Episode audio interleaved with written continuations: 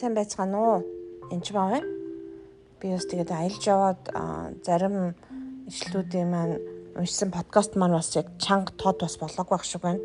Тэгээд тэр хэсгээ бас дахиж давтаж хийжээд аа за ингээд та бүхэнд луг номын 16-гийн 19-с 31-ийг уншъя. Тэгэхээр мөнхийн шийтгэлтэй холбоотой хэсгээс уншиж эхэлж байгаа гэсэн. Нэгэн баян хүн байжээ. Тэр нийл өнгийн нарийн нэгсэн майлангуй хувцс өмсөж өдөр бүр найрлан цэнгдэг байв. Тэгээд хүн өдөр бүр найрлан цэнгдэг байсан сайхан өвчлөлтөг сайхан хүн байж л дээ баян хүн байсан байна.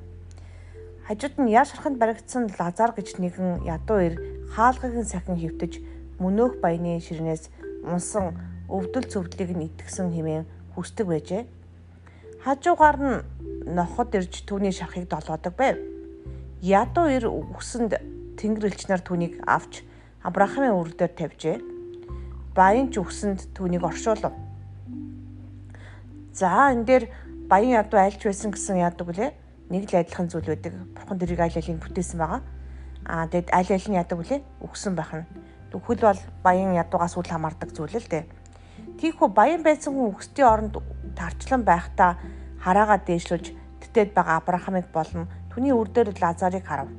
Тэгэхээр энэ дээр бас буруу ойлголт хийж болохгүй. За баян хүн бол баян байж болохгүй юм байна. Баян байх юм бол одоо тамд орд юм байна. Харин ядуу байх юм бол дээрш орд юм байна. Энэ дэлхий дээр зовсон хүн амжилттай байдаг гэж бодож ярьдаг хүмүүс байдаг.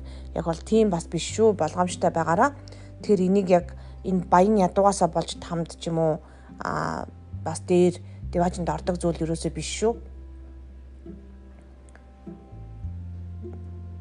Тэгээд тэр Авраам эцгээ намайг өршөөгөөч Лазарыг нааш нь явуулаач. Тэр хурууныхаа үзүүрийг усанд дүрээд хилимийн цэрүүцүүлэг. Учир нь би энэ талд галд амт тэмцэн байна гэж хашгирахад Авраам хүмүүний ээж амьдралынхаа туршид сайн сайхан зүйлийг хүлээн авахд тэрчлэн Лазар муугачсан авсаж чи санаач. Хараа одоо тэр тэр энэ тайтгарч чи энэ зов чи тэн зовж байна. Энд бүхнээс гадна эндээс наан ч очих нанаа чи энд ирэхийг хүсэгчдийг хин ч очиж үл чадах тийм хүн ангал чи бидний дунд тогтжээ. Тэгэхээр тэр энд юу яахаар үнэхээр тамд ороход үнэхээр зовдөг байх нь гал халуун байх нь байна. Амин тэмцээ дээрээс намарч усгүй.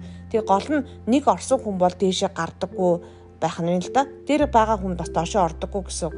Тийм болохоор зарим гаж урсгалынх юм бол жишээлбэл өгцөн хүмүүсийн өмнөөс баптизм хүртээдэг тал байгаа.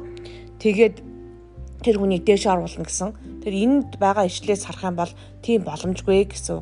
Жишээл мормончууд дахин хүний нэр дээр баптизм хийж идэг. Тэрнээс олж би нэлээд чөлөөлт хийжсэн тохиол байдаг. Тийм учраас бас тэрнээс болгоомжтой байгаараа.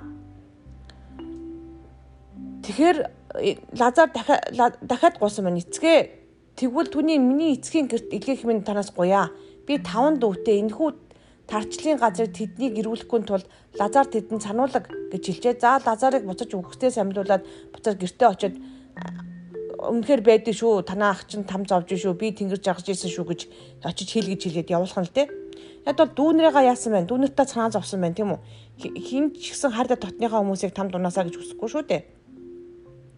Гэтэл юу ч хариулсан бэхээр Авраам тэдэнд Мосе болон иш үзүүлэгчд байгаа. Дүү нарт чинь тэдийг сонсгоо. Гэт тэр Үгүй Авраам эцэг минь хэрэг үгтээс хин нэгэн тэд рүү явбал тэд гимших болно гэв. Харин тэр түнд хэрэг тэд Мосе болон иш хөдөлгчийг сонсдгоо юм бол үгтээс хин нэг нь амилсан ч тэд өмшөхгүй бидтэй гэж хэлв. Тэгэхээр бидний энэ шийдвэр бол нэг удаагийн шийдвэр байгаа. Жишээлбэл семестрийн туршид би хичээл зааж л дээ. Бүгд бүх хүүхдүүд тэр хичээлд орсон гэж бодъё тэр. За тэр бүх оюутнуудын маань за 70 оюутантай анги байсан гэж бодъё л та. Зарим нь сайн хичээл хичээлээ хийж байгаа сайн дүү авсан, чармаасан, зарим нь үнэхээр болохгүй болоод яваад өгсөн, зарим нь замын дундаас хайсан, хичнээн хичээгээч муу авсан гэх мэтлэн янз янзын асуудлууд байж байгаа. Гэхдээ хамгийн сүүлд дүн гаргахад дахин тэр хүүхэд хэрэг муу авсан бол F гэсэн үнэлгээ авсан бол тэрийг дахин засах боломжгүй. Нэг л сабмит хийсэн бол сабмит хийсэн буюу нэг л дүнгийг хуваарлсан бол хуваарлсан болж байгаа.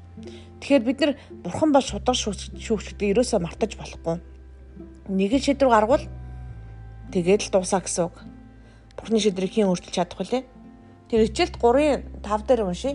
Гэвч хувцаа хертүүлээгүй цөөх хүн сардай чамд би тэд надтай хамт цагаан хувцтай алхах болно.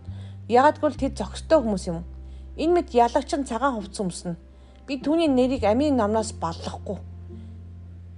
Би өөрийнхөө эцгийн өмнө болоод түүний тэнгэр иш нарын өмнө түүний нэрийг хүлээн зөвшөөрнө гэж.